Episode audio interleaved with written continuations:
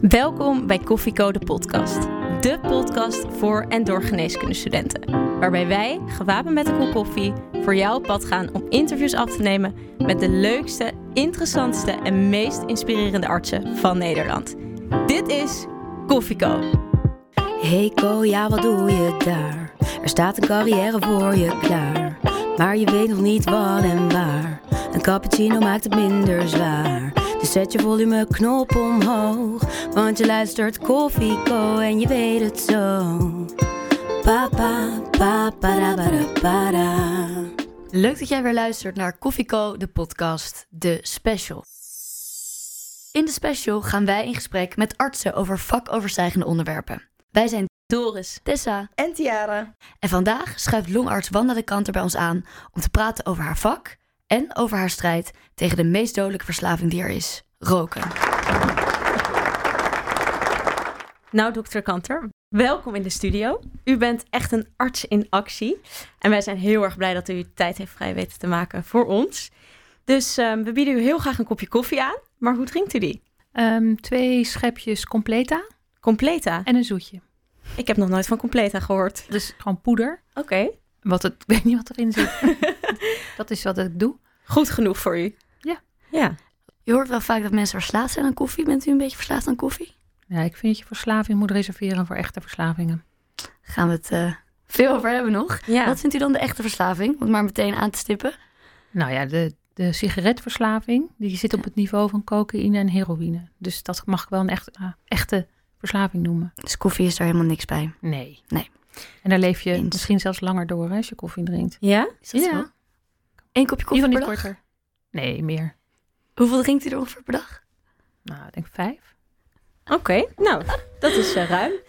U heeft inmiddels echt al honderden interviews gegeven en eh, de radiostudio was u niet onbekend. En toch zit u hier vandaag aan tafel met geneeskundestudenten. Waarom vindt u het zo belangrijk dat het onderwerp eh, waar we het vanavond over gaan hebben extra aandacht verdient onder juist die jonge dokters? Nou, ik denk dat geneeskundestudenten hebben de toekomst. Jullie zijn de toekomst. Het gaat ook om jullie. Als jullie zoveel werk doen naast je opleiding, naast je geneeskundestudie, om artsen te interviewen, dat vind ik ook een reden. Ik doe het ook voor jullie. Dus niet alleen voor alle co-studenten, maar ja, ik vind jullie hebben zo uitgebreide e-mail gestuurd waarom je het doet en wat jullie missie en passie is. En dat doe je allemaal naast je werk. Ja, dat vind ik, heb ik wel heel veel bewondering voor. Nou, dank dat u er zit. We zijn Ja. blij dat u er bent. Ja. Ja, voordat we gaan beginnen, u heeft heel erg veel gedaan. Ik dacht even een korte cv-check te doen. Ehm, beknopte versie. Hier komt die. Nou, u bent longarts in het Antonie van Leeuwenhoek ziekenhuis in Amsterdam. Dat is Ja. uw hoofd, eh, hoofdtaak. En daarnaast voert u al jaren een fanatieke strijd tegen de tabaksindustrie. U bent voorzitter van Stichting Rookpreventie Jeugd. Zie ik, ja, dit klopt allemaal nog. En u heeft drie boeken geschreven. En u bent ook een groot deel van uw leven verslaafd geweest aan de sigaret. Ik vind het een heel indrukwekkend cv, behalve natuurlijk dat laatste puntje. Het roken. Ja. Wanneer was dat? Toen ik twaalf was, zat ik op een kostschool. Mijn ouders woonden aan de andere kant van de wereld. En toen waren er oudere jongens, was een gemengde kostschool. En die vonden het leuk om mij sigaretten te laten proberen. En ik had daar helemaal nog nooit over nagedacht. Dus dat wou ik natuurlijk. Als zij dat leuk vonden, dan wilde ik leuk gevonden worden. Dus dat deed ik. Dus toen heb ik de eerste sigaret gerookt met heel diep inhaleren. Dat was heel naar. Ik moest heel erg hoesten. Maar toen wist ik zeker, dit, dit ga ik doorzetten. Want ik wil dit gewoon doen. Want de jongens vinden dat dus heel erg leuk als ik dat doe. Oké. En wat ik merkte, dus dat ik, dat ik me herinner ik me ook echt, ik had helemaal geen geld. En dat ik geld ging ophalen dus voor iets, ja, van een sportclub waar ik geen lid van was. En ik ben niet zo heel erg van sporten. en dat wil dus zeggen dat je zo snel verslaafd raakt, dat je dan al geld moet ophalen voor iets wat je gewoon eigenlijk heel vies vindt in het begin. Kan je nagaan, ja. Ja. En, en wanneer was u daar dan aan verslaafd? Nou, dat is, dat was, ik herinner me dat echt na een paar dagen al. Oh, En waar? wat je ziet bij onderzoek is dat twee van de drie kinderen die één sigaret probeert, wordt een dagelijkse roker. Zo snel gaat dat. Je kan er dus eigenlijk niet mee experimenteren. Zo verslavend is het. Dat zijn wel harde cijfers, ja. Ja. U bent ervaringsdeskundige dus. Ja. Maar waarom is dat roken dan zo verslavend? Wat maakt het nou zo verslavend? Het, het is de sigaret die is gemaakt om te verslaven. Hè? Zoals de Amerikanen het zeggen, addictive by design. Er wordt niets aan het toeval overgelaten. Als je een biertje drinkt, zit er 5% alcohol. Dat maak je zo en er zit niks anders in. Dat, dat is het. Maar bij tabak, dan gaan ze het eerst roosteren, zodat je het makkelijker kan inhaleren. Gewone ruwe tabak kan je niet eens inhaleren. Dan doen ze er hoestdempers in en dan doen ze er ammoniak in, zodat het sneller naar je hersenen gaat. En nog tientallen andere stofjes, waarvan er 90 kankerverwekkend zijn. Allemaal om het te verzachten, dat je makkelijker kan inhaleren. Dat is de reden. En de aller, allergrootste reden waarom het zo verslavend is, is omdat het binnen een paar seconden, binnen zeven seconden in je hersenen zit. En juist die extreme kick maakt het dat je bij alles wat je doet aan een sigaret denkt. Die Pavlov. En je hebt dus bij elke sigaret die je rookt binnen zeven seconden. Als je de Pavlov-experimenten, dat ken je natuurlijk ook van je studie. Ja. Als je pas zeg maar belletje bellen en een half uur later dat etentje aan de hond gaf, dan was hij nooit gaan kwijlen. Dus het gaat heel snel bij de Pavlov om prikkelrespons. En wat de tabaksindustrie aan gedaan heeft in de jaren 50, die hebben al het onderzoek ingezet om die prikkelrespons zo kort mogelijk te maken. Dat is de reden dat mensen relatief makkelijk kunnen stoppen. je hebt niet een ernstige cold turkey zoals bij heroïne. Maar dat je zodra je weer in de situatie komt waar je vroeger altijd rookte, je ziet een oud vriendje, vriendinnetje. Ik heb nog steeds, ik ben nu elf jaar gestopt. Ik heb een paar vriendjes. Dat als ik in de kroeg en een biertje, dan heb ik er weer zin in. Die Pavlov is zo ingesleten in je brein. Wauw. Ja. Elf jaar geleden. Ja. En nog steeds Die craving. craeft u er soms naar. Ja, dus, dus ik probeer altijd met je voorzichtig dat te zeggen, want dat is voor sommige mensen dan een reden om niet te willen stoppen. Om maar aan te geven dat ik dan weer denk, oké, als ik op een onbewoond eiland zit, dan ga ik gewoon lekker weer roken. Of als ik, Ja, is dat zo?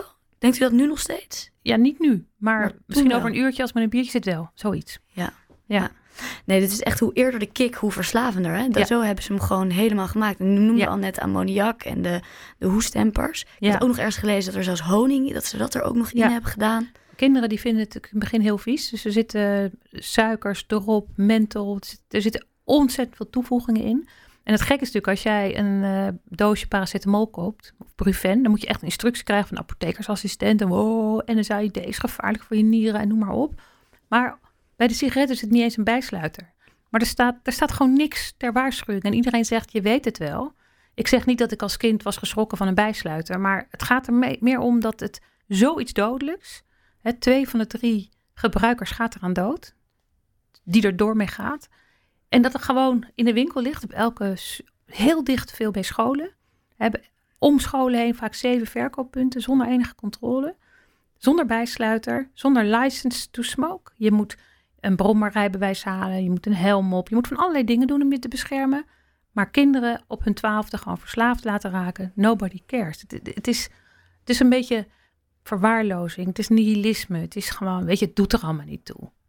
Het is een gigantisch probleem. Hè? Ja, Kinderen gaan steeds vroeger roken. Het, groeit het? Wordt het? Is het een erger probleem? nee, het is, het, is, het, is, het, is, het is zeker niet aan het groeien. De rookvrije generatie heeft natuurlijk zorg nu dat, hè, dat, dat het heel erg een bekend iets is. En dat er op scholen niet meer gerookt wordt. Dus er zijn wel, het neemt wel wat af.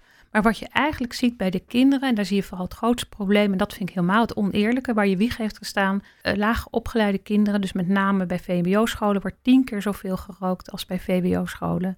En er beginnen elke dag 75 kinderen. Dus het, het, mensen denken dat het wat beter gaat, maar wat je ziet, en dat statistiek is heel lastig te begrijpen voor mensen, dat zegt, ja, ik zie het niet meer om me heen, zegt de politicus. Wij gaan best wel vaak naar Den Haag en zie het niet om je heen. Maar dat komt omdat jij hoog opgeleid bent en jouw vriendenkring en jouw kinderen misschien ook wel VWO doen. Maar kijk eens naar de cijfers. Tussen de 25 en, en 40 jaar van de mannen rookt nog steeds 50% bij mannen met een lage opleiding. Maar dat zie jij niet, want die mensen zie jij niet, die ken jij niet. En ik zie ze als patiënt natuurlijk. En dat is natuurlijk het gekke, dat mensen die lager opgeleide beroepen hebben, die veel meer roken en dan ook veel vaker longkanker krijgen en COPD en hartinfarct en beroertes en zo. En dat is een beetje wat we dan ook zeggen als artsen. En als je denkt, ja, jullie zijn natuurlijk jong. En ik zou helemaal niet zeggen dat je zo jong activist moet worden, maar dat je wel realiseert dat wat wij zien, hè, wij dokters, aanstaande dokters, en wat zij zien, totaal iets anders is. Wij zien alleen maar zieke mensen en zij zien alleen maar gezonde mensen. Maar dat je altijd realiseert dat wat je in het ziekenhuis ziet, dat dat niet natuurlijk het gemiddelde is. En tegelijkertijd dat de politiek al die patiënten niet ziet. Als je geneeskunde studeert, dat je denkt, ja, je hebt allemaal van die hele mooie beroepen waarbij je idee denkt. Maar het grootste deel van de meeste beroepen hebben te maken met gevolgen van gedrag. Ja. Is het dan niet de taak van de arts om deze mensen een stem te geven? Het lastigste is, je kan die mensen eigenlijk nauwelijks een stem geven. Want op een of andere manier ehm, hebben zij zelf het idee gekregen. En dat komt denk ik heel erg door liberale partijen. Ik heb het zelf gedaan, ik ben zelf verantwoordelijk. Ik los het zelf wel op. Kom niet aan mijn sigaretje, kom niet aan mijn biertje, kom niet aan die dingen. Dus eh, je kan het heel moeilijk om. om ik, ik denk dat ik een soort van stem probeer te zijn. Voor al die mensen die ziek zijn geworden te roken. Om ervoor te zorgen dat zij niet zich schuldig voelen over een verslaving als kind opgelopen. Dat er heel veel mensen zijn die gedrag wat niet gezond is of zeer ziekmakend is. Dat het heel moeilijk is om een stem voor hun te vormen. Want zij zien, ze zitten er daar middenin. En vaak die lage sociaal-economische klasse, de diep in de armoede, schulden, schuldhulpsanering, roken ook voor 2000 euro per persoon op, maar zien dat allemaal niet meer. Dus ik vind dat, dat de overheid moet ons beschermen. En dat klinkt misschien wel paternalistisch, maar ze strijken wel miljarden op aan accijnzen. De zorg kost ook miljarden. De, het staat onder druk, hè, het hele sociale stelsel. Ik vind dat de overheid, we weten wat werkt, verkooppunten beperken, prijs enorm ophogen, alleen een tabakspeciaalzaak. En dat kan je met heel veel prijselasticiteit kan je heel veel mee doen. En ik vind dat de overheid laat zich heel erg leiden door het bedrijfsleven.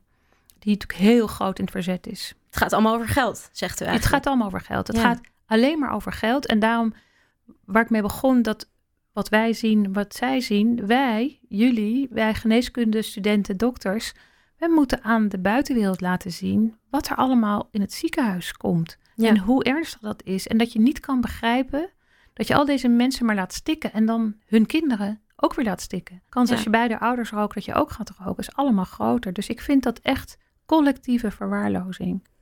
Waar ik nou benieuwd naar ben, u heeft echt een enorme drive. Eigenlijk hebben we nog maar een paar vragen gesteld en u bent, u, u, u staat ervoor. Het is eigenlijk, ik zie het in uw ogen dat dit een soort passie voor u is geworden. Hoe is dat nou begonnen? Waar vandaan is deze enorme drive ontstaan? Want u bent zelf roker geweest, elf jaar geleden gestopt.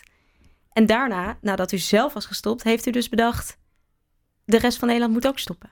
Ja, het is wel heel organisch gegaan. Het is niet van de ene dag op de andere dag. Ik, ik rookte nog stiekem en mijn dochter heeft me betrapt toen zij 14 was. En dat deed heel erg pijn, want zij, zij zei echt, jij wil mijn moeder niet zijn. En ja, jij hebt zo'n grote kans om hier aan dood te gaan. Er ging ook een nichtje van 40 dood aan longkanker. Al die dingen bij elkaar waren voor mij reden om, om in ieder geval te stoppen met roken. En toen merkte ik hoe moeilijk het was voor mij. En ik dacht, ja, hoezo? En na een paar weken was het nog niet over. Dus, dus ik merkte gewoon hoe die verslaving erin hakte. Terwijl toen ik zwanger was, kon ik zo stoppen. Dus dat begreep ik ook al niet. Hoe werkt een verslaving dan? Als je een hersenziekte hebt, dan heb je die en gaat niet over. Maar bij een verslaving kan je hem dus tijdelijk uitzetten. En dat maakt het ook heel lastig in, het, in de politieke discussie. Hè, dat je dus zomaar even niet kan roken. In het vliegtuig niet, in de film niet. En dan ineens weer wel. En mensen vinden dat heel complex qua hersenziekte. U was ook longarts toen u, toen u rookte. Hoe, Ja. Hoe, hoe verkoopt u dat aan uzelf? Nou ja, ik, ik, ik was toch, dat moet ik toch zelf weten. Ik hoef toch niet oud te worden. Mijn opa rookte twee pakjes per dag, 85 geworden met caballeren. Hoezo? Dus ik had alle gedachtenkronkels die een goede roker ook heeft. Dus dat, ik had daar helemaal geen... Maar ik droomde wel vaak dat ik longkanker kreeg. En dat ik dan tegen niemand zou zeggen. Of dan droomde ik dat als ik een scopie liet doen... en dat ik dan de uitslag wist, dat ik dan geen behandeling wilde. Maar ik zou het ook tegen niemand zeggen. Of ik droomde dat alle longartsen me uitstonden te lachen. Dat ik een longkanker had gekregen. Dus u had ook wel last van die schuldgedachten eigenlijk. Ja, gek genoeg alleen in, in mijn droom. Maar niet, Alleen niet overdag. Nee, overdag Ja. niet. Dus de waarheid, denk ik, dat soort onbewuste dat toch wel Ja. de waarheid wist. Ja. Begrijpt u uw patiënten beter omdat u zelf heeft gerookt? Nou, ik denk dat het de enige voordeel is bijna van dat ik gerookt heb. Ik krijg wel verwijzingen soms die speciaal naar mij worden verwezen, omdat ze het gevoel hebben dat ik hun niets verwijt. En er zijn mensen die soms zo verschrikkelijk kunnen huilen op familie als ze 40 jaar, 45 jaar zijn en 30 jaar gerookt hebben. En dan, en dan zeggen ze, ja, anders had ik hier niet gezeten. Dan had ik gewoon nog mijn kinderen op zien kunnen groeien, of mijn kleinkinderen kunnen zien. En dat ze wezenlijk echt weten dat ik dat precies zo met ze eens ben dat het niet hun schuld is. En dat ik het ook aan de familie kan zeggen. Dat, ja, dat is denk ik wel een voordeel. Dat ik zelf weet dat je het niet een vrije keuze kan noemen. Toen ik twaalf was, kan je dat onmogelijk een vrije keuze hebben genoemd voor mij. Ja. En als longarts werd u dus wel, als roker en longarts, werd u wel vaak geconfronteerd met de gevolgen Ja. van roken. Ja. Maar u bent pas gestopt toen eigenlijk uw dochter dat Ja. Vroeg. Ja, en dat is natuurlijk het bizarre van zo'n verslaving. Dat je... Ja, ik was nooit van plan om te gaan stoppen. En ik vond het hele rookverbod in de horeca van ontzettend stom. We hebben moeite in er zich mee. Dus, en het is niet zo dat ik nu, omdat ik, omdat ik een roker was, nu heel veel anti-rokers ben. Dat is helemaal niet zo. Alleen, ik kwam er toen achter dat ik altijd de waarheid had weggemaakt. Een goed verslaafd brein heeft echt de irreële cognities, die maakt gewoon de waarheid weg. Dat doe je voor alles, maar Ja. voor roken wel heel veel. Jeetje, ja. Toen bent u gaan stoppen. Hoe heeft u dat dan gedaan? Want Nou ja, ik, ik wist er eigenlijk niks van. En het boeide me ook niet zo. Dat, hele, dat roken. En ja, al mijn patiënten rookten. Nou, het was zoals het was. En ik zei wel dat ze moesten stoppen. En dan vroegen ze mij rook toen. zei ik, ja, soms. Ik, ik ging niet liegen daarover. Maar toen ik zelf gestopt was, en ik, toen wist ik hoeveel ik niet wist. Onbewust, onbekwaam was ik. En dat zijn natuurlijk bijna alle artsen. Want je krijgt er niks over in je opleiding. Toen zei, weet je wat we gaan doen? We gaan een boek schrijven. En dat was echt het allerbeste wat we konden doen. Een, een handboek voor mensen om te stoppen met roken. Het moest simpel zijn. Iedereen moest het kunnen begrijpen. Patiënten hebben meegelezen. En alles moest kloppen op basis van wetenschappelijk onderzoek. Toen zijn we alle naar grote specialisten geweest op rookstopgebied. In Nederland, Jelinek, maar ook in Engeland, bij professor West. Dus echt fenomenen op dit gebied. En toen hebben we een boek gemaakt en een stoppen-stappenplan gemaakt. Bekende Nederlanders, glossy, het moest er mooi uitzien. En hebben er ook stoppolykliniek opgericht. Nou, toen dachten we, nou, dan geef je dat boek en dan maak je dat stappenplan en dan is het klaar. Dat gaat heel goed werken. En toen was er nog iets een stapje daarvoor. Je moet dat boek nog wel even geven aan iemand. Hoe bereik je dat iemand dat boek wil gaan lezen? Toen zijn we op de weg gekomen van motiverende gespreksvoering. En dat, de grondleggers zijn twee psychiaters. Dus we zijn naar hun toe gegaan om de opleiding van hun te krijgen. En dan zaten we samen met apothekers, met politiemensen, mensen te motiveren om te stoppen met alcohol, van alles door elkaar. En dat was een heel dik boek en heel ingewikkeld. Ze, ja, maar we willen gewoon co-assistenten, we willen gewoon praktijkondersteuners, andere artsen. We moeten iets heel simpel tool geven. We gaan een boek schrijven. En toen hebben we dat het tweede boek. dat was boek twee. En dat was echt om. Ja, dat, wij geven er heel veel trainingen in, ook landelijk. En dat is een prachtige methode om met mensen in gesprek te gaan. Om de kans dat ze willen denken over een gedragsverandering zo groot mogelijk te maken. kort stappenplan. Hoe stop je met roken? Het belangrijkste is dat je altijd moet vragen: mag ik het met jou over roken hebben? En als de ander zegt nee, dan moet je ophouden. Dan zeg je: oké, dan kom ik wel een keertje op terug. Maar kom erop terug. Dus je moet de timing is heel belangrijk. Nou, als je vervolgens zeg je, nou, vraag eens, waarom rook je eigenlijk? Nou, oké, als ik en dan vat je dan samen. Ik, begrijp dat je rookt omdat je het lekker vindt. Je vindt het eh, gezellig. Het zijn de leukste mensen. En je hoeft zo lekker daarvan op. En het helpt tegen stress. Een momentje voor jezelf, beloont je. Heb ik het goed begrepen? Nou, ja, dat is het wel zo'n beetje. Nou, dan vraag je, nou iets heel anders. Hoe graag zou je willen stoppen met roken? Op een schaal van 0 tot 10? Nou, een 2. Nou, het is geen 1. Dat is al heel wat. Vertel eens, waarom is het dan een 2? Nou ja, ik verouder er heel snel door. En ik, eh, ja, ik ben toch bang voor mijn huid en mijn rimpels. En het is ook duur. Dus dan ga je de ambivalentie van mensen hun gedrag samenvatten. En dan zeg je pas, en dat kan je dus in een paar minuten doen hè, als je dat veel doet. En het pas daarna zeg je, mag ik u nu wat informatie geven? Het is nooit spoed, hè? het hoeft allemaal niet meteen. Maar je kan in een paar minuten, en je kan het voor je hele leven gebruiken. Je kan het voor jezelf gebruiken. Voor van alles. Voor Als je van gewoon alles. iemand wil laten stoppen met iets. Ja, als je gewoon iemand zijn eigen motivatie wil laten vinden, is motiverende gespreksvoering een prachtige techniek. Ja. Is het zo dat sommige mensen toch meer moeite hebben met stoppen dan anderen? Of in ieder geval zo lijkt het voor ons. Is dat waar? Motiverende gespreksvoering is alleen nog maar een manier om bij Ja. je motivatie te komen. Is niet stoppen. Hè? Nee. Dat is nog helemaal niet. Iemand opwarmen om te willen Ja. stoppen. Er is een heel groot verschil. Ehm, iedereen kan beginnen, maar hoe makkelijk je kan stoppen is een heel groot deel genetisch bepaald. Dat weten we uit tweelingonderzoek. En dus grotendeels genetisch bepaald, maar ook deels omgevingsbepaald. Dus als je en de genen hebt van je ouders, heb je veel meer kans om terug te vallen. En als ze ook nog een keer allebei roken, als je thuis komt van je rookstopweek, dan Ja. is de kans gewoon heel groot. Dus die extreme genetische verschillen. En mensen zeggen, oh, maar ik begrijp het niet. En vooral politici, ik kon zo stoppen. Nou, fijn voor jou. Maar jij bent de maat niet. Ze moeten ophouden, je moet, mensen moeten ophouden zichzelf de maat te nemen. Weet je, dan, dan doe je net alsof iedereen zo fantastisch slim en impulscontrole heeft als jij. Dat is natuurlijk niet waar. Nee. En u, heeft u ooit nog een sigaret opgestoken na die elf Nee, jaar daarna, nee, nee, nee. Ik, ik kreeg toen allerlei pakjes van mensen en, en, en ook uit het buitenland met gekke plaatjes erop en zo. En ik heb alles meteen onder de kraan gedaan. Ik was doodsbang. Dat is een onbewaakt moment dat ik toch weer wilde gaan eh, roken. Onder de kraan, dus dat is ook een tip. Ja, voor onder mensen die willen kraan. stoppen. Zelfbescherming. Ja, Brengt ons eigenlijk wel op een volgend punt. Want waar ligt nou die verantwoordelijkheid? Hè? ja. Bij wie ligt die? Nou ja, ik denk de allerbelangrijkste verantwoordelijkheid is, zoals we nu doen, is dweilen met de kraan open. Dat die kraan dicht moet. Dus die kinderen niet verslaafd laten raken, niet laten uitproberen. Nou, aangezien we meer dan 60.000 verkooppunten hebben, volstrekt oncontroleerbaar, moeten we zorgen dat het weggaat bij de Albert Heijn. Weg, wat doet het daar? Het is geen levensmiddel, het is een product waar twee van de drie gebruikers, je eigen klanten notabene, gaan aan dood. Niemand controleert het, althans Albert Heijn zegt te controleren het, maar de Nederlandse Voedsel- en Warenautoriteit heeft veel te weinig mensen om het te controleren. Dus daar begint het mee. Dat je die kraan dichtdraait en dat je het onnoemelijk duur maakt. En niet één keer één euro, maar jaar in jaar uit elke keer een euro erbij. En dat moet natuurlijk gelardeerd worden met goede campagnes. We hebben al tien jaar geen campagnes hè, van VBS. Niks. Want je wil natuurlijk ook uitleggen wat je doet, waarom je het doet. Wij zijn zo hard bezig geweest met al die rechtszaken. Dat zijn een soort campagnes geworden. Want daardoor hebben we voor het eerst laten zien wat die tabaksindustrie allemaal ellende doet. Maar eigenlijk had VWS het gewoon moeten doen. Heeft VWS wel campagnes gemaakt voor andere gezondheidsproblemen? Nou, dat is een leuke vraag. Mevrouw Schippers heeft een hele leuke gezondheidscampagne gedaan, jaar toen zij er nog net was, over hoe je je handen moet wassen. Ah. En dat is een hele dure campagne. En dan zie je een kraan en hoe je handen moet wassen. En ook dat je je gele vaatdoekje af en toe weg moet gooien. Maar rook heeft ze niets aangedaan. Nee, ik merk wel dat u, als het over deze minister gaat en over beleid hiertoe, dan merk ik toch een klein beetje, ja, onvrede, frustratie. Dat zit er wel echt bij u, hè? Cynisme is dat. Cynisme. Ja, Oké. ja dat je jezelf, ja, dat je, dat je als minister van Volksgezondheid gewoon goede contacten onderhoudt met de tabaksindustrie. Zij is weg, hè? Ze werken Ja. er al lang niet meer. Maar dat is natuurlijk wel echt wel heel ernstig.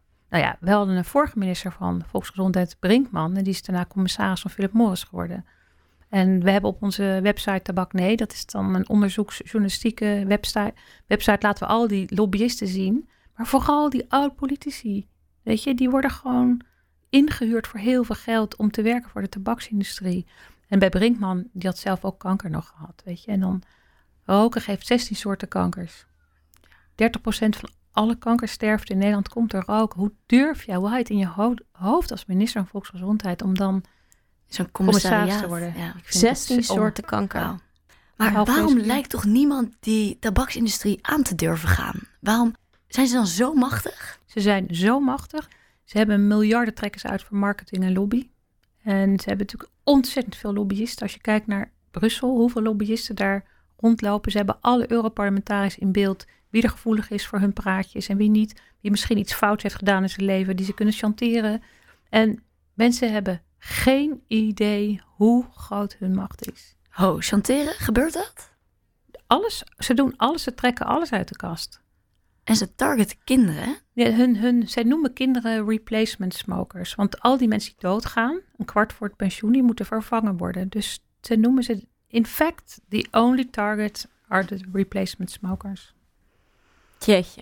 Maar dit is in, allemaal in het nieuws gekomen door u. Ja, dat is allemaal in het nieuws gekomen. En we hebben, ja goed, we hebben de, de, de strafzaak tegen, we hebben bijna een miljoen mensen aangifte gedaan. Dus het was mega groot geworden. Ja. Ook de gemeente Amsterdam. En Had u dat ongelogen- verwacht toen, toen het begon? Nee. Kijk, Annemarie van Veen, dat is de jonge vrouw die longkanker kreeg en dit jaar is overleden, of begin vorig jaar is overleden. En zij wilde niet dat zij een tabaksindustrie ging aanklagen voor letselschade. Zij wilde een strafzaak om het verboden te krijgen. En dat wilde ze doen omdat ze wist dat ze dood zou gaan. En haar kinderen nog vier, vijf, zes toen. Dus ze wilde niet dat die kinderen ook weer gingen roken als replacement smokers. Dus zij kwam bij mij of het mogelijk was. En ik was al vijf jaar eerder bij eh Benedict de Fiek geweest. Die rookte toen zelf nog en vond het niet zinvol. Maar nu rookte ze niet meer. En haar zoon van 18 was gaan roken. Dus die dacht er ineens heel anders over. En toen heeft ze met het bureau overlegd. En zeiden we, nou, we gaan het gewoon proberen. En ze is zo daardoor geraakt eigenlijk, wat, wat, waar zij als strafrechtadvocaat achter kwam. Hoe misdadig die tabaksindustrie die kinderen target. Het werd ook wel echt wel haar zaak. Ja, ik had nooit gedacht dat Antonie van Leeuwenhoek deed aangifte. De KWF deed aangifte.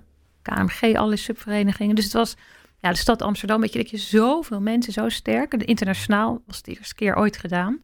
We kregen heel veel bijval. Als Nederland zo moedig was geweest bij artikel 12 procedure om wel te gaan procederen, door te laten gaan, dan was het echt wereldwijd was het gekopieerd. Het is echt heel, heel jammer geweest. Ja. Ja, want op 6 december 2018 kwam de uitspraak Ja.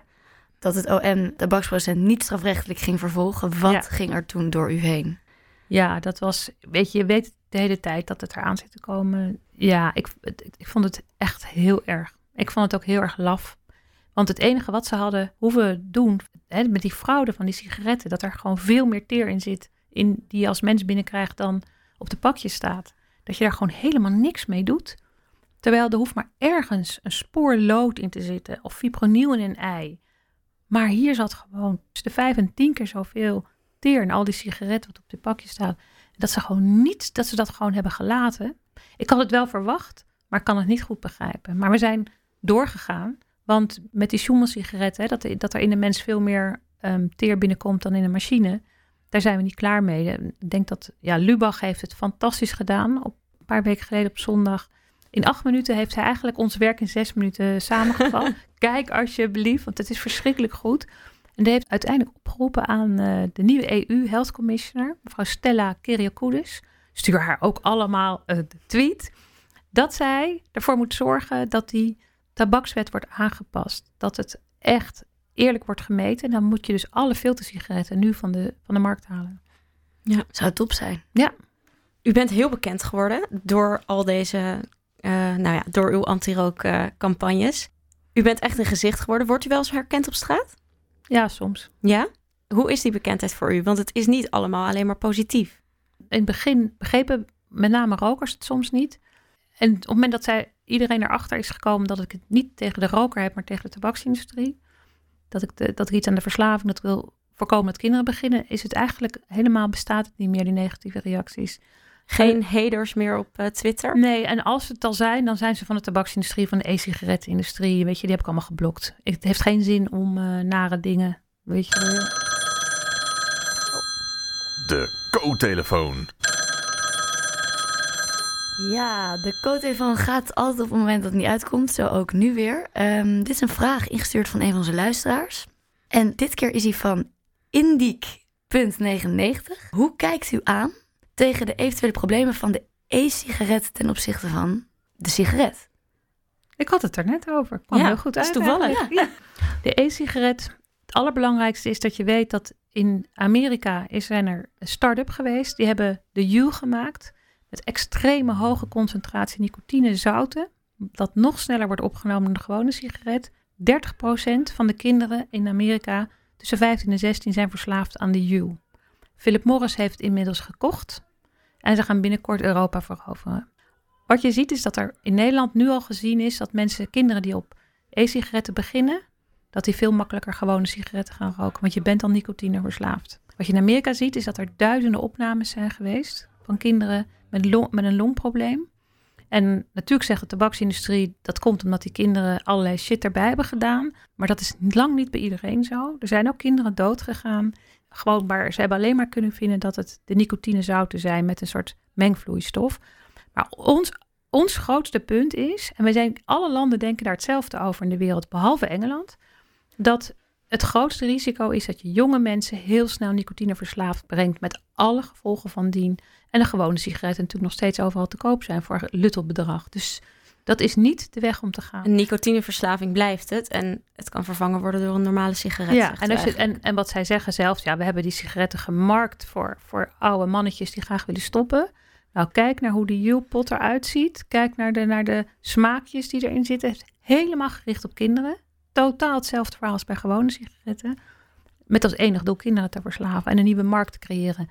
Je ziet dat mensen daar heel slecht mee kunnen stoppen. De kans dat jij na een jaar nog gestopt bent door de e-sigaret... en dus nog steeds nicotine binnenkrijgt... is rond tussen de 5 en 7 procent. Dus dat is heel matig. Ik word er zelf eigenlijk bijna ook een beetje activistisch van. Mooi. Ik wil nog één vraag stellen hierover. En dan gaan we door naar uw werk als longarts. Wat zou u nou tegen de tabaksindustrie willen zeggen? Als u nou nu tegenover ze zou zitten, wat zou u dan zeggen? Ja, waar, waar ben je in godsnaam mee bezig? Als jij verantwoordelijk bent voor 6 miljoen doden ieder jaar weer, waar, waar, waar ben jij mee bezig? Het is een massaslachting. Heeft u er wel eens eentje ontmoet? Ja, ik heb er wel eens ontmoet, ja. En, en we hebben natuurlijk afspraken, ook een rechtszaak over gevoerd, dat er geen contact mag zijn tussen de overheid en de tabaksindustrie. En we hebben gewoon in, door televisieprogramma's heb ik een aantal keren tegenover iemand bij Nieuwsuur hè, gezeten. Of bij Kassa tegenover iemand gezeten. Dat is alleen maar ellende. Dat is echt verschrikkelijk. En dat, ik denk ook dat het echt gewetenloze mensen zijn. Ze komen natuurlijk ook niet in het ziekenhuis. Ze zien nooit patiënten. Ze hebben geen idee. En het grote voordeel voor hun is dat jij introduceert het bij een kind van 13, 14. En ze gaan pas dood als ze 40, 50 zijn. Weet je, je ziet het niet. En daarom zijn co-assistenten, geneeskundestudenten, dokters zo belangrijk. Wat jullie zien, jullie allemaal op straat zie je de mooie jonge meisjes op terrassen zitten roken. Wat wij zien in het ziekenhuis, je hebt geen idee. Meisjes die onvruchtbaar zijn, mens, meest voorkomende oorzaak van vroeggeboorte, meest voorkomende oorzaak van blindheid, beroertes. Hè, weet je? En dat hebben zij echt allemaal op hun geweten. Ik kan dat niet bevatten. Nee, ik vind het zelf eigenlijk ook heel erg ingewikkeld om te bevatten. Ja. Ik denk dat we een leuke vergelijking kunnen maken. Wanda als longarts en Wanda als activist. Is dat dezelfde Wanda? Ja. Natuurlijk ben ik dezelfde, maar ik ben niet activistisch tegen een patiënt. Een patiënt die komt met een heel andere vraag. Maar Ja. als, je, als, je mij, als ik uit de spreekkamer loop en ik kom de tabaksindustrie tegen, dan ben ik nog steeds dezelfde Wanda, maar dan heb ik een ander verhaal. Maar voor een patiënt is het zo dat alles wat, wat ik kan doen om een patiënt te helpen, het is natuurlijk heel verschrikkelijk als je kanker hebt. Alles is verschrikkelijk. De diagnose, de prognose, elke keer wachten op het effect van de behandeling, de bijwerkingen, chemotherapie, immunotherapie. Nooit een zekerheid, nooit een dokter die zegt, nou nu ben je echt genezen. Nee, nee, je moet toch nog weer verder behandelen. En wat je, waar je gewoon heel erg tegenaan loopt zijn wachttijden voor CT-scans. Je wil natuurlijk niet dat de patiënt eerst twee weken moet wachten op een CT en dan twee weken moet wachten op de uitslag. Dat is onmenselijk. Is dat nu wel het geval? Nou, dat kan zomaar gebeuren. En ik vind dat elke keer als je, als je casuïstiek leest, hè, van, er zijn nogal wat journalisten die kanker hebben gekregen en daar columns over schrijven. Dat, dat raakt ook zo dat je elke keer denkt, ja, dat, dat kan je toch niet maken? Ja, Wanda de longarts ziet ook allemaal verbeterpunten in het ziekenhuis eigenlijk. Ja, ik zie, ik zie, maar dan ben ik ten opzichte van de patiënt dan meer dat wat ik kan doen, is dat ik zorg dat ik de scan zo snel mogelijk en liefst op dezelfde dag, mag ik niet garanderen, maar dat probeer je. En dan, en dan probeer je zelf te kijken. En dan als je twijfelt, dan bel je de radioloog. Je moet me even helpen. U Dat je- vecht voor uw patiënten, hoor ik ja, eigenlijk. dat is het. Dat Op is het zowel. Ja. spreekkamerniveau als in de politiek. Ja. ja. Ja. Hoe is het om als longarts in het Antonie van Leeuwenhoek ziekenhuis te werken? Ja, dat is heel bijzonder. Ik heb heel lang in het, in het Rode Kruisziekenhuis gewerkt, wat be- beroemd is van zijn brandwondencentrum. Dat was soms heel erg heftig. Dus dan denk je dat je wat gewend bent. Maar in het AVL, wat de patiënten ook zeggen, is dat iedereen die daar rondloopt, heeft kanker. En wat je merkt is dat het ziekenhuis een enorme zinderende ambitie is. Dat, dat alle specialisten daar altijd voor de tien gaan. Het is een heel erg gemotiveerde groep eh, specialisten. En er zijn er een paar, dat is lang niet iedereen, die ook nog waanzinnige wetenschap bedrijven. Dat doe ik niet. Maar dat is natuurlijk wel waar het Antonie van Leeuwenhoek Nederlands Kankerinstituut groot in is. En dan vind je nieuwe behandelingen in het AVL. De immuuntherapie, de gerichte behandeling. Er is zo ongelooflijk veel ontwikkeling. Er is veel ontwikkeling, maar Ja. zoals u zelf al zegt, al uw patiënten zijn kankerpatiënten. Ja. Veel met stadium 4 uitgezaaide longkanker, niet of nauwelijks kans op genezing. Hoe gaat u daar in godsnaam mee om? Het lijkt me heel heftig als dokter. Het gekke is dat, natuurlijk, dat doe ik al 30 jaar. Toen ik in de VU begon, chemotherapie begon net. Maar dan was het, ik heb me toen heel erg verdiept in palliatieve zorg. En toen kwam er chemotherapie, maar dan, dat was een verlenging van een paar maanden. En precies toen ik overging naar het Antonie van Leeuwenhoek, 2013, was het jaar dat alle studies begonnen met immuuntherapie. Voor uitgezaaide longkanker. En een heleboel van die mensen, die zijn nog steeds mijn patiënt nu. Dus dat is zes jaar later. Dus het is totaal anders geworden. Dus dat ik die overstap precies in die tijd meemaakte, dat is echt waanzinnig. En dat nog steeds mag je niet zeggen, je bent nu genezen, maar het is in remissie en de mensen hebben dan hele goede jaren gehad. Dat vind ik wel heel sensationeel. Is er iemand die heel ziek was en Oh ja, ik, weet nou ja, een man die, die stikkend binnenkwam met een grote tumor in zijn kale luchtwegen en bloed ophoestte, letterlijk met zijn eh, kindje op zijn arm. En ik werd erbij gehaald, de radiotherapeut moet nu komen kijken en wist niet meer wat we moesten doen. Dus we moesten met spoed een, een scopie en een stent en OK en alles regelen, regelen. Nou ja, dat was natuurlijk echt een mechanisch iets. En daarna konden we, een stent had gekregen, hadden we even de rustende tijd om hem te bestralen en starten met immuuntherapie. Nou, die man is nu gewoon in een topconditie, loopt weer hard, werkt weer. En heeft zijn kindje kan die op zien groeien. En misschien is hij daar over vijf jaar nog steeds. En misschien is hij wel de lange overlever. En daar zijn echt, de mensen, deze mensen blijf je zien hè. De mensen die dood zijn gegaan, die zie ik niet meer. Maar hè, een jonge vrouw met kinderen van vier en zes jaar, die had gehoord dat ze nog maar zes maanden had. Veel mensen voor second opinions hebben dat in eerste instantie gehoord. Dat is ook denk ik wel belangrijk voor jullie. Dat je, als je als artsassistent of jonge co-assistent op een afdeling werkt, dan heb je soms het gevoel dat de patiënten willen heel graag een uitslag weten. En dan zeggen ze, nou, het is niet goed of zo. Ik heb gezien, want willen ze ook niet laf zijn. En dan zeggen ze het maar. En dan komen mensen die, dat zijn vooral mensen die dus niet polyklinisch gediagnosticeerd zijn, maar via het ziekenhuis met spoed. Die zien natuurlijk veel meer co-assistenten en assistenten. Die hebben gewoon echt een heel slecht nieuws gekregen. Terwijl we daar nu toch eigenlijk heel anders naar kijken.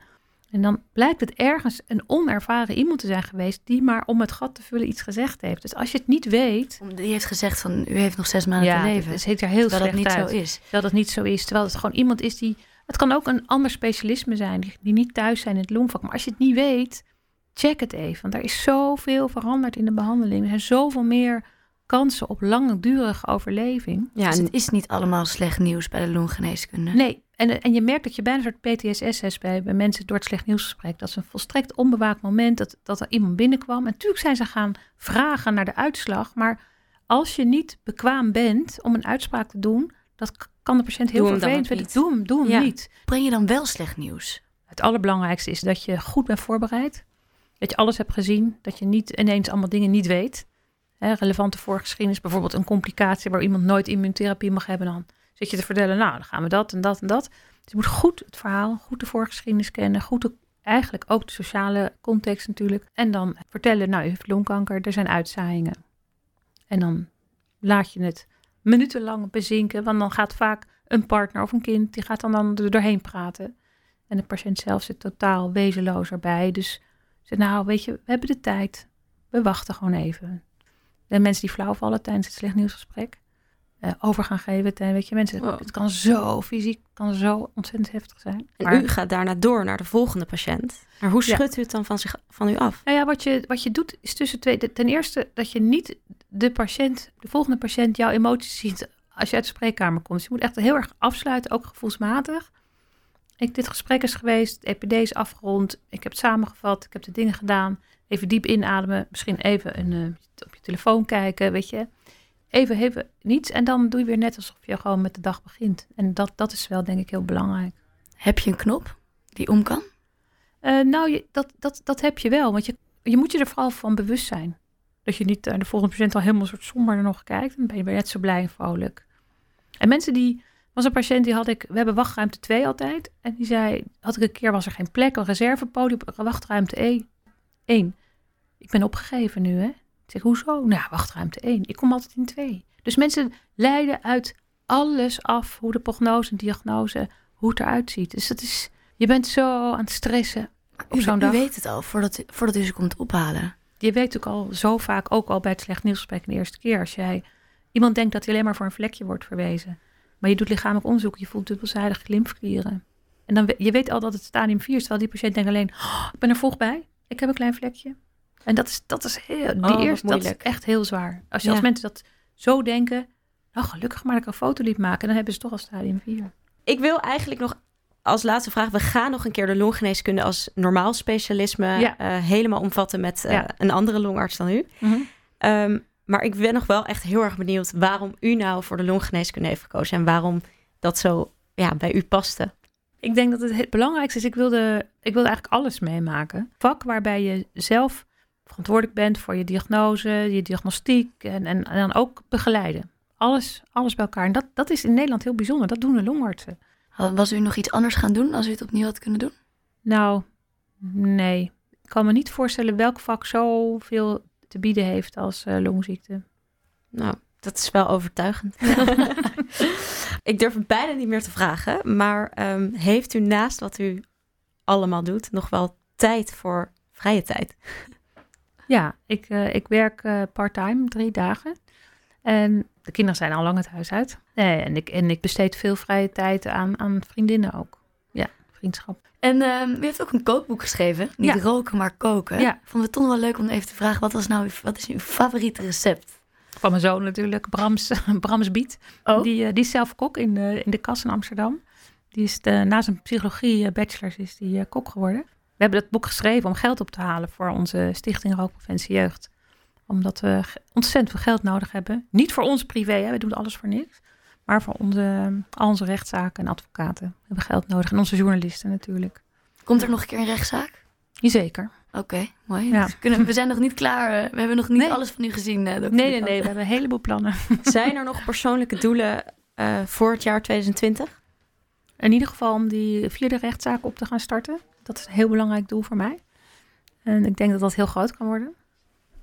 Kunnen wij daar nog iets in betekenen als geneeskundestudenten? Zeker. Ik ga jullie zeker eh, al tegen die tijd dat het gaat spelen, zal ik jullie om hulp vragen. Nou, we staan nu graag te hulp. Wij willen nog met u een leuke stelling bespreken in ons item Wat als? En in Wat als stellen wij diepgaande vragen om onze gasten nog beter te leren kennen. Wat als u minister-president was? Zou ik eh, de verkoop van tabak verbieden. Dat was een inkopper, die hadden wij zelf ook wel kunnen, Ja, kunnen nou, en, ik, en ik zou proberen, nou ja, wat ik zou willen dat de minister-president zou doen, is dat hij veel meer aandacht heeft voor de, la, voor de onderkant van de samenleving. Dat het nu iedereen erg aan zijn lot wordt overgelaten. Dat zou ik willen. En Moet er geen echt gewoon een dokter daar zitten op die stoel? het- ja, daar, moet, daar moeten zeker dokters komen in de politiek. Maar u bent het niet. Ik niet, nee. Waarom niet? Omdat ik veel te veel te doen heb buiten de politiek. U bent te druk. ik ben te druk en te activistisch, denk ik ook. Misschien wel. Oké, nou dan ehm, gaan we hem nu echt afsluiten. En we sluiten eigenlijk altijd af met de laatste tip voor de jonge dokter. Heeft u nog een mooie tip? Ja, een paar wel. Ik denk dat heel belangrijk is dat je jezelf niet helemaal vastpint op één vak. Ook al als je daar niet binnenkomt. Er zijn er een heleboel andere vakken. Hou het breed, hou het open, want er zijn natuurlijk niet zoveel opleidingsplekken. Laat je niet verneuken door, door eh, allerlei mensen die jou eh, promotieplekken aanbieden zonder garantie voor een baan daarna. Zorg samen te werken. Niet, laat je niet uitspelen. Netwerken. Maak het leuk netwerken. Kijk, als je patiënten leuk vindt, vind je netwerken met niet-patiënten ook leuk. Wat is er leuk aan iemand? Wat maakt iemand interessant? En als je zelf een probleem hebt, probeer het te delen met anderen. Want vaak heeft iedereen dezelfde soort van probleem. Ben je niet alleen. Zoals informatie en kennis. Het is niet te doen meer, hè? Als je ziet hoeveel publicaties per dag komen, dat kun je niet bijhouden. En als je dan denkt, die kan het wel en die kan het ook. Ja, sommige idioten kunnen dat. Maar denk niet dat je dommer bent dan de rest, dat je minder kunt dan de rest. Want het is natuurlijk een enorm handhaafvak. Dat vind ik echt heel erg opvallend. Veel concurrentie. Maar probeer samen te werken, elkaar niet de loef af te steken. En netwerken. En ga ook niet iets doen wat echt helemaal niet bij je past. Hè? Want het is natuurlijk heel fijn dat je chirurg, dat je ergens iemand kent en dat je chirurg kan worden. Terwijl je super onhandig eigenlijk bent. Probeer het beroep in te schatten. En kijk wat echt bij jou past. Een hele hoop tips. Ja, oh sorry. Nee, dat is geweldig. Het was een, eh, een, een Hoe leuke meer, hoe beter. afsluiter. Hoe meer, Ja, beter. Hoe meer inderdaad, hoe beter. Nou, we zijn inmiddels echt bij het einde gekomen van dit interview. Ontzettend bedankt dat u er was. Hoe was het om eh, een keer door een geneeskundestudent geïnterviewd te worden... in plaats van al die doorgewinterde journalisten?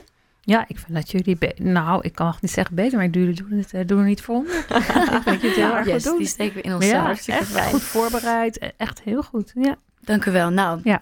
lieve luisteraars, ook jullie dankjewel weer voor het luisteren. Blijf ons volgen, blijf ons liken op social media. Ook Wanda de Kanter, want daar hebben we nog lang niet alles van gehoord. Ehm, ja, tot de volgende twee weken bij Koffiecode Podcast. Abonneer je op deze podcast en volg ons op Instagram, @koffieko